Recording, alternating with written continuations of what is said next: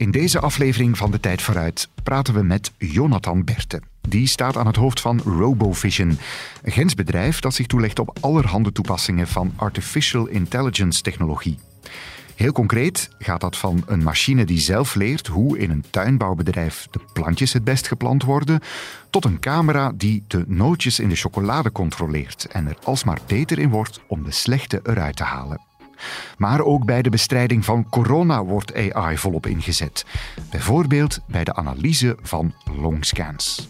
In dat geval is het een radioloog die zegt van kijk, dit gedeelte is in feite een, een, eh, een slecht gedeelte waar dat het virus toegeslaan heeft. En het, het kunstmatig brein gaat leren op onbekende data hoe dit te voorspellen en te zeggen van kijk, dit is uh, een, een beschadiging in de longen door het coronavirus. The sky is the limit, maar AI-technologie heeft ook zijn duistere kantjes. Zoals de regering Trump, die een algoritme laat beslissen welke migranten mogen blijven en welke niet. Dan krijg je eigenlijk blackbox systemen, algoritmes die gaan beslissen wie teruggestuurd wordt naar Zuid- of Midden-Amerika en wie mag blijven. En dat willen we natuurlijk niet hebben als samenleving. Dan moeten we echt op toezien dat die technologie good karma blijft en dat we daar eigenlijk uh, ja, aan de knoppen blijven. Die AI-technologie is absoluut ook Vlaams volgens Berte. Want we hebben hier sterke bedrijven en een goede omgeving om die te ontwikkelen. Het is hier echt goed om te ondernemen. Je moet natuurlijk een beetje de knepen van het vak kennen. Er is hier ongelooflijk veel talent. Um, en het is betaalbaar. Ik zou in Silicon Valley, in San Francisco, geen bedrijf kunnen runnen of oprichten zoals dat ik dat hier gedaan heb. De tijd vooruit. Hoe overleeft u de toekomst? Bert Rijmen gaat in gesprek met visionaire ondernemers en onderzoekers. De tijd vooruit. Deze podcast kwam tot stand met de steun van EY. Artificial intelligence, daar hebben we het in deze podcastreeks al wel vaker over gehad. Meestal denken we dan aan Google of Facebook, big business dus, die zeer veel data over ons verzamelen en daar allerhande slimme algoritmes op loslaten om ons alsmaar meer naar hun platform te lokken. Wat die grote bedrijven daar allemaal precies mee doen, is voor de gemiddelde gebruiker een raadsel en voor veel mensen een ver van hun bedshow. Dat beeld wil Jonathan Berte doorprikken. Artificial intelligence kan en zal volgens hem in de toekomst nog veel meer aanwezig zijn in ons leven. Maar het zal makkelijker worden en bereikbaarder, ook voor kleine ondernemingen. Gebruikers moeten dan geen specialisten meer zijn, maar kunnen genieten van de gigantische mogelijkheden die artificial intelligence biedt. Dat is waar zijn bedrijf RoboVision mee bezig is. We zijn een Vlaamse scale-up. Eh, we zijn met iets meer dan 75 man. En wij hebben een platform om automatisch intelligentie te creëren. En met dat platform willen wij AI democratiseren. We willen dat eigenlijk zowel bij familiebedrijfjes als bij multinationals, we willen dat het eenvoudig wordt voor niet-IT-profielen om zelf intelligente systemen te maken. Mhm. Kan u daar eens een voorbeeld van geven? Van een van jullie activiteiten nu? Wel, heel concreet. Uh, als je bijvoorbeeld een nieuw plantje moet, automatisch moet planten met een robot, uh, dan leg je een aantal van die nieuwe plantjes, stekjes in ons geval, uh, op een transportband. En dan duid je aan waar de robot dat moet oppakken en in de grond steken. Dat kan je doen zonder dat je iets van software of IT kent. Dus wij, hebben installaties draaien in Japan, zelfs in dorpjes in Japan, Australië, in Californië, in, in Brazilië. Dus overal in de wereld gebruiken familiebedrijven, maar ook grote bedrijven onze software om automatisch intelligentie te creëren. Dat is een voorbeeld uit de land- en tuinbouw. Uh, in de maakindustrie, wat, wat, wat voor projecten hebben jullie daar? En of, of, of wat zijn projecten die, die nog komende zijn, waar u erg in gelooft? Uh, kwaliteitscontrole, dus typisch uh, bijvoorbeeld de nootjes van de Rittersport uh, chocolade, die worden door ons gecontroleerd. En als daar een keitje in zou zitten, dan moet dat er automatisch uitgehaald worden. Dat zou natuurlijk voor sommige mensen een ramp zijn als ze op een kei bijten en een kies stuk. Dus, maar niet enkel in de voedingsindustrie, ook in de maakindustrie, uh, zoals bijvoorbeeld bij textielcontrole, Sion Veranneman, waarin dat we eigenlijk op zoek gaan naar uh, ja, productiefoutjes. En vroeger moesten die 24 uur lang door mensen opgevolgd worden en nu kan een artificieel intelligente camera dat eigenlijk gaan detecteren. Medes, dat is ook nog relatief recent. Uh, door corona zijn, uh, is alles wat daarmee te maken heeft veel belangrijker geworden in alle industrieën. Dus, dus ook voor u. Wat is daar uh, jullie activiteit? Alweer op visuele data. Dus uh, we hebben daar de, de CT-scans van de longen. Ehm, en samen met uh, een 25-tal andere hospitalen in Europa uh, gaan we die CT-scans, die, die bestanden eigenlijk gaan poelen en ervoor zorgen dat radiologen aanduiden wat daar de um, de corona-effecten zijn, de beschadigingen aan de longen. En op die manier bouwen we een AI-model dat automatisch kan detecteren hoeveel percentage van de longen geaffecteerd is door het coronavirus. En op die manier kan de triage beter gebeuren aan de, ja, eh, voor de, de, intensive care. Ja, op die manier kan je dus uh, sneller zien wat voor effecten er in die longen zijn, als, ja, ik, als ik, het goed begrijp. Zit daar ook nog een zelflerend aan? Ik Absoluut. kan me voorstellen door... Ja. ja. ook daar hetzelfde verhaal. Eigenlijk in principe is het net hetzelfde als de landbouwer die een plantje gereed legt en zegt, daar moet de robot die pakken. Uh, in dat geval is het een radioloog die zegt van kijk, dit gedeelte is in feite een, een, eh, een slecht gedeelte waar dat het virus toegeslaan heeft. En het, het kunstmatig brein gaat leren op onbekende data hoe dit te voorspellen en te zeggen van kijk, dit is uh, een, een beschadiging in de longen door het coronavirus. De tijd vooruit. RoboVision levert dus artificial intelligence voor boeren op het Japanse platteland, voor chocoladefabrieken en voor artsen die zo sneller longen kunnen controleren op sporen van corona. Toepassingen die Berthe good karma noemt. Maar daarnaast is er volgens hem ook bad karma.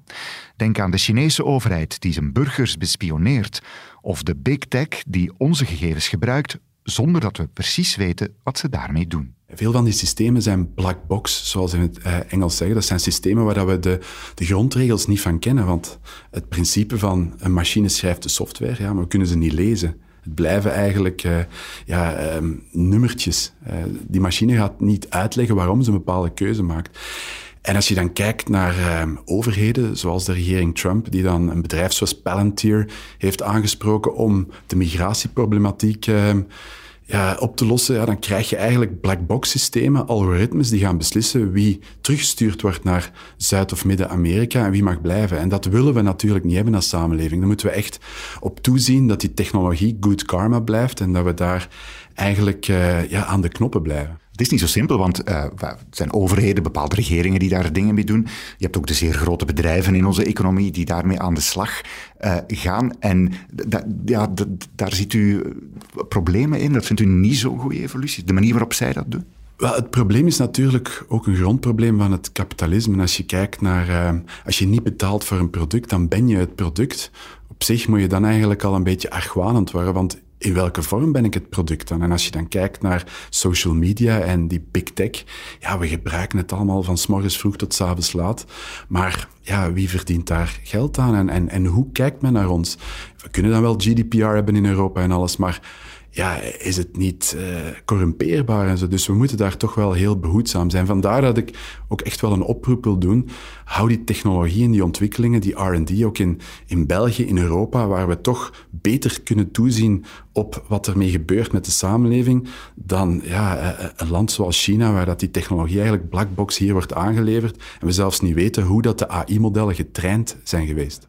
Is, dat, is het niet al, al te laat misschien om dan nog te keren? Het, lijkt alsof we met z'n allen gezegd, we vinden misschien wel erg dat persoonlijke data uh, door grote bedrijven uh, worden vergaard, dat ze daarmee aan de slag gaan. Uh, maar het is een trade-off, want ik kan daardoor wel gratis Google gebruiken, bijvoorbeeld, of muziek makkelijk downloaden en ik krijg daarvoor dingen aangereikt. Mensen vinden dat misschien niet zo erg. Ja, maar ik denk dat uh, ja, evenementen zoals Cambridge Analytica en een, uh, een hele verkiezing die gehijacked wordt met de, deze social media eigenlijk, dat de mensen hun ogen toch wel open gaan. En, en het, kan ook heel, het tij kan heel snel keren in big tech.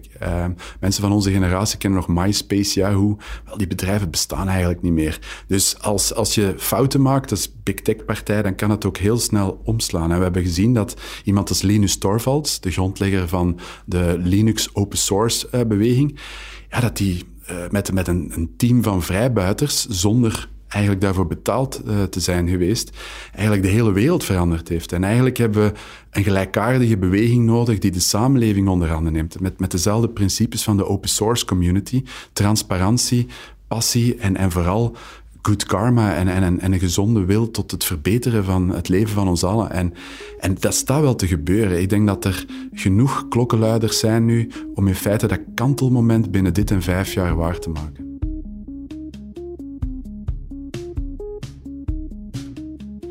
moeten de kennis over AI dus best zo dicht mogelijk bij ons houden. In België, in Europa.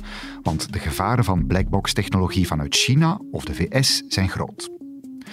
Wat kunnen we dan hier bij ons doen met artificial intelligence? Berthe denkt aan heel concrete toepassingen. Luistert u eens mee naar de combinatie van AI en tomaten.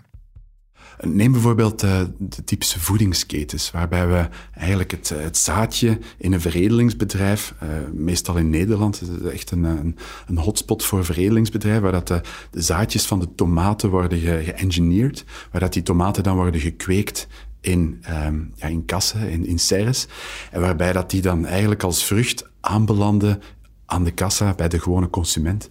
Um, als RoboVision zitten wij van het zaadje tot in die supermarkt. Wij, wij zijn eigenlijk heel die waardeketen, die productieketen, aan het upgraden als het ware.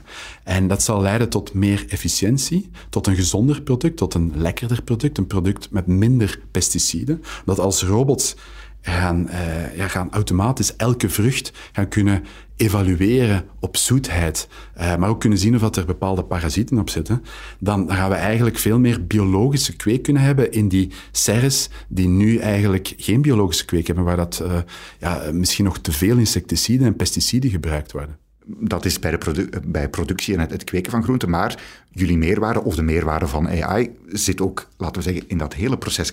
Ja, neem bijvoorbeeld in de supermarkt. Uh, als je dan gaat kijken, nu ook als mensen hun tomaten moeten selecteren, dan gaan ze automatisch die tomaten kiezen ja, die, die ze het lekkerste vinden. Maar als we die processen gaan observeren, kunnen we eigenlijk terugkoppeling geven aan die zaadveredelaar en eigenlijk zeggen van mensen zijn vooral op zoek naar die vrucht en uh, kweek je vruchten in die richting.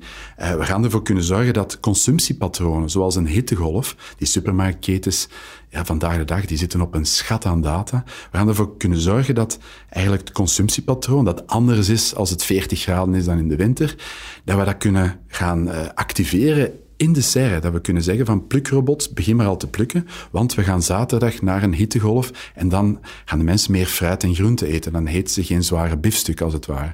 Dus die productieketen zal op die manier efficiënter worden, er zal minder uitval zijn, er zal minder voedsel moeten weggegooid worden en het zal ook groener zijn. Dus eh, daar staan we voor en, en die belofte kan artificiële intelligentie in de komende vijf tot tien jaar echt gaan waarmaken. AI moet dus een meerwaarde zijn, niet alleen voor de industrie, maar dat kan ook voor de maatschappij, het onderwijs bijvoorbeeld. Als je kijkt naar hoe multinationals ons in, in de gaten houden als we onze tijdslijn eigenlijk evalueren. Hoe we stilstaan bij elke foto en hoe ze eigenlijk gaan chronometreren hoe lang we stilstaan bij die foto van onze ex-vriendin of whatever. Um, dan kan je diezelfde technieken ook gaan toepassen op jonge mensen en hoe zij omgaan met problemen, bewerkingen in de wiskunde, aardrijkskunde of uh, dat soort van context. Maar dan kan je dat ten positieve doen. Je kan onzekerheid gaan meten, je kan, um, ja, hoe zal ik het, uh, gaan meten. Je kan um, ja, bepaalde aspecten, medische aspecten gaan meten, zoals ADHD. Eh, en als je dan van het grondprincipe verstrekt dat iedereen uniek is en op een heel unieke manier informatie absorbeert, dan kan je dat ten goede gaan gebruiken. Want dan kan je daar eigenlijk diezelfde grondprincipes als um, ja, terug naar je tijdslijn van Facebook of zo, dat kan je ook in een onderwijscontext ten goede maken. Je kan ervoor zorgen dat iemand met zin zijn bewerkingen, wiskunde zal doen. En, en ik geloof de stelligste dat, dat, dat we dat snel gaan moeten doen. Want, uh, en zeker met uh, afstandsonderwijs kan dat omdat er natuurlijk veel meer zaken meetbaar zijn. We hebben geen camera's in een fysieke klas, uh, klaslokaal maar goed ook. Uh, maar we, we, kunnen wel uh, de interactie, de muisinteractie, uh, alles opmeten als iemand afstandsonderwijs doet. Eigenlijk krijg je een soort extra hulpmiddel voor een onderwijzer, leraar, lerares, die van op afstand ja, al die kinderen moet toespreken en die moet kunnen weten, uh, komt het aan, uh, zijn ze nog aan het opletten? Dat zou kunnen ja. via die, op, op, die manier? Absoluut, en het, het, zal ook ergens noodzakelijk zijn, want dat gevoel van een leerkracht die twintig jaar in het vak staat en zijn klas overschouwt en zegt van ja, oké, okay, ik heb de aandacht van iedereen, ik voel dat ik de aandacht heb. Ja, dat is natuurlijk een ander gegeven bij een online meeting. Je, je weet dat niet meteen. Hè? Als iemand zijn video en zijn microfoon op mute gezet heeft, ja, is dit dan aandachtig? Je hebt er het, het, absoluut het gissen naar. Dus die technieken zal men op een gegeven moment wel moeten inzetten om te meten of iemand nog mee is met het schoolse gegeven. De tijd vooruit.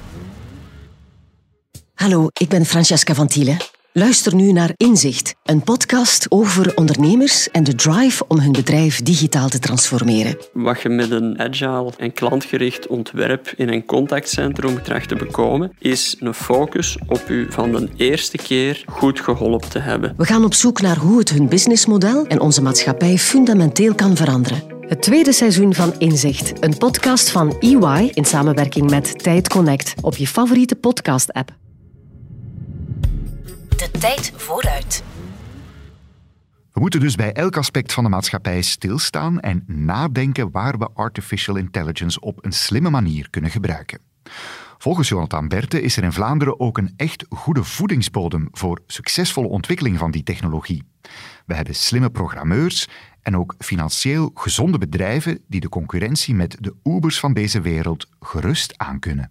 Uh, wij in Europa zijn al veel langer bezig met die actieve welvaartsstaat, waar dat iedereen mee moet zijn. Maar dat heeft tot gevolg dat we ja, technologie en mens al veel langer op een gesofisticeerde manier hebben moeten laten samenwerken. En dus ook die uh, inzichten hebben en die, uh, ja, die, die, ook kunnen vermarkten. Als je kijkt naar een, uh, sommige series in, in Nederland en je vergelijkt die met series in de VS, dat is echt Star Wars tegenover de oertijd. Dus Um, en we moeten dat veel meer omarmen. Het spijtige een beetje is de rol van de media. Uh, we zien dat er enorm veel aandacht gaat naar start- en scale-ups eh, in andere continenten, hoeveel geld ze hebben opgehaald. En, en, maar als je dan onder de motorkap kijkt van een Uber, dan, uh, ja, dan zie je toch dat die modellen uh, moeilijk rondgerekend raken en dat wij hier in Vlaanderen, Nederland, de Benelux, ja, poelen van getalenteerde mensen hebben in, in scale-ups zoals RoboVision, maar ook ML6, waar we met honderden mensen, uh, AI-experts uh, in enkel bijvoorbeeld ecosysteem Gent, ja, echt wel de wereld kunnen veranderen. En, en akkoord dat op dit moment nog in, in wel bepaalde niches is, zoals tuin en landbouw. Maar we hebben echt wel veel in onze mars. En vooral ook omdat Vlaanderen ja, jarenlang heeft geïnvesteerd in onderzoek en ontwikkeling. En, en met Vlaio er ook voor heeft gezorgd dat die links tussen universiteiten en bedrijven dat die sterk is. En dat die eigenlijk, ja, dat bepaalde van die samenwerkingsvormen voldoende geïtereerd zijn om, om rijp te worden en echt waarde te creëren. En dan ook financieel beter zijn dan Uber bijvoorbeeld, waarvan u vindt dat het niet zo goed uh, zit? Wel, ja, je hebt natuurlijk, ik vergelijk het een beetje met, met, met de, de kippenindustrie, plofkippen. Het is niet omdat je ergens heel veel geld in steekt dat het, dat het er ook per se uit moet komen. Um, ik denk dat wij hier in West-Europa toch iets meer zweren bij organische groei, uh, waarbij dat we ja, eerst willen zien dat producten ja, iets in hun mars hebben, dat, dat ze kunnen uitrijpen vooraleer daar het, daar het grote geld uh, bij komt. Want, zegt u eigenlijk, wat we hier op een kleiner niveau in Vlaanderen, waar volgens u dat universum zeker al, al bestaat, dat is financieel ook ook goed. Die, dat staat er. Die, die hebben een goede basis. Dat, dat zijn bedrijven die uh, marcheren. Ja, wij, zelfs in coronatijden zijn wij 40% gegroeid. Uh, we hebben ja, nog altijd uh, een aantal aanwervingen per maand. we zijn nu met een kleine 80 mensen. Dus uh, wij, zien dat uh, die toptechnologie corona-proof is, dat die ook heel, hoe internationaler dat je bent als bedrijf, uh, hoe meer weerbaar je ook bent ten opzichte van die lokale conjunctuurdips. Dus um, ja, wij hebben hier heel wat in onze mars. Um, en we, kunnen het ook beter ook eens positief benaderen, want uh, ik denk dat wij hier in België en Vlaanderen, nu ook met die coronaperikelen natuurlijk, het vaak uh, heel negatief benaderen. Het, het, is hier echt goed om te ondernemen. Je moet natuurlijk een beetje de knepen van het vak kennen. Er is hier ongelooflijk veel talent. Um, en het is betaalbaar. Ik zou in Silicon Valley in San Francisco geen bedrijf kunnen runnen of oprichten zoals dat ik dat hier gedaan heb. Vlaanderen boven dus en wat meer optimisme voor het kunnen van de bedrijven die hier al actief zijn. Maar volgens Berte is de vooruitgang die artificial intelligence ons kan brengen veel breder dan alleen maar economisch. Hij denkt aan een heuse samenleving 2.0 met meer openheid en een democratischer gezondheidszorg. Dus als je kijkt naar Society 2.0, de, de toekomst van onze samenleving, ja, dan denk ik dat de ministeries van morgen eigenlijk ja, zelf gaan opmeten wat de status van het wegdek is en dat de mensen die daar werken ook geïncentiveerd worden om zoveel mogelijk putten te dempen. En ik denk zelfs dat er geen minister meer zal bestaan. Het zal een autonome AI-engine zijn die eigenlijk zelf de optimale beslissingen neemt. We weten dat het ehm, ja, dat menselijke gegeven ook vaak leidt tot corruptie. Ik ben zelf een believer van AI in de context van de samenleving, om dat tot een meer objectiveerbaar geheel te maken. De politiek zal dan daardoor niet meer nodig zijn, ze zullen het graag horen. Nee, het zal altijd een samenspel blijven tussen mensen en machines, maar die mensen gaan beter geïnformeerd zijn. Als je kijkt ook naar artificiële intelligentie, dan past dat wonderwel in het plaatje van de verschillende disruptieve evenementen die er in de geschiedenis geweest zijn van de technologie. Als je kijkt naar ja, de, de boekdrukkunst, het, het, schrift dat eigenlijk gereproduceerd, dat was eigenlijk de eerste kennisgolf die dan over Europa gegaan is. Die Uomini Universale, die eigenlijk ervoor gezorgd hebben dat hun gedachtegoed kon verspreid worden, met Galilei en, dergelijke. Dan had je die industriële revolutie, waarbij die stoommachine ja, terug een enorme impact heeft gehad op die samenleving, waar dat de typische urbane fenomenen, zoals in Gent met het textiel en alles uh, ontstaan zijn.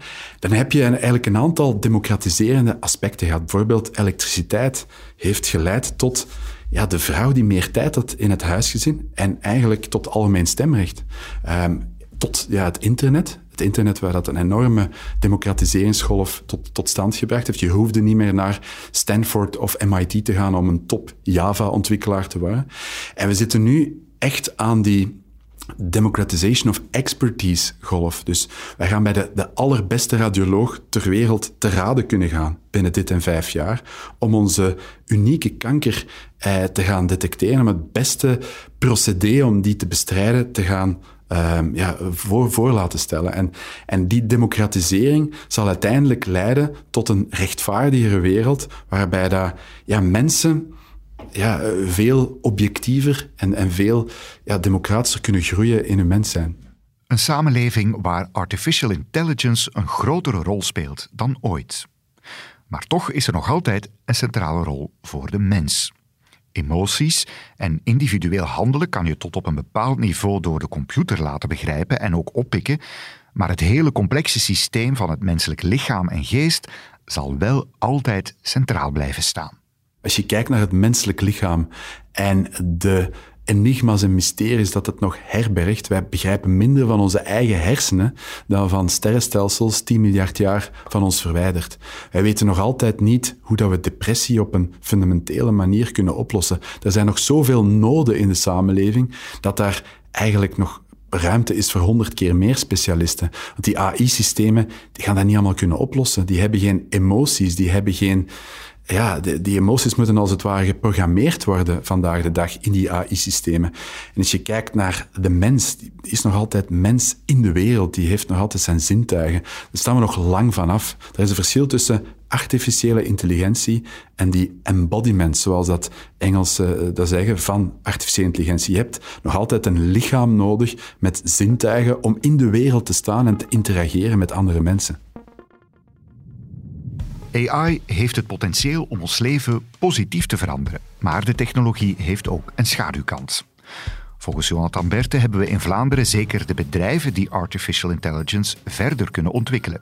Het is ook aan ons als samenleving om die technologie lokaal te verankeren in Europa, om zo een betere democratische controle te behouden. Eén ding is wel zeker volgens Berte. Er zal altijd een rol zijn voor de mens, zelfs in een door AI gestuurde wereld. De tijd vooruit.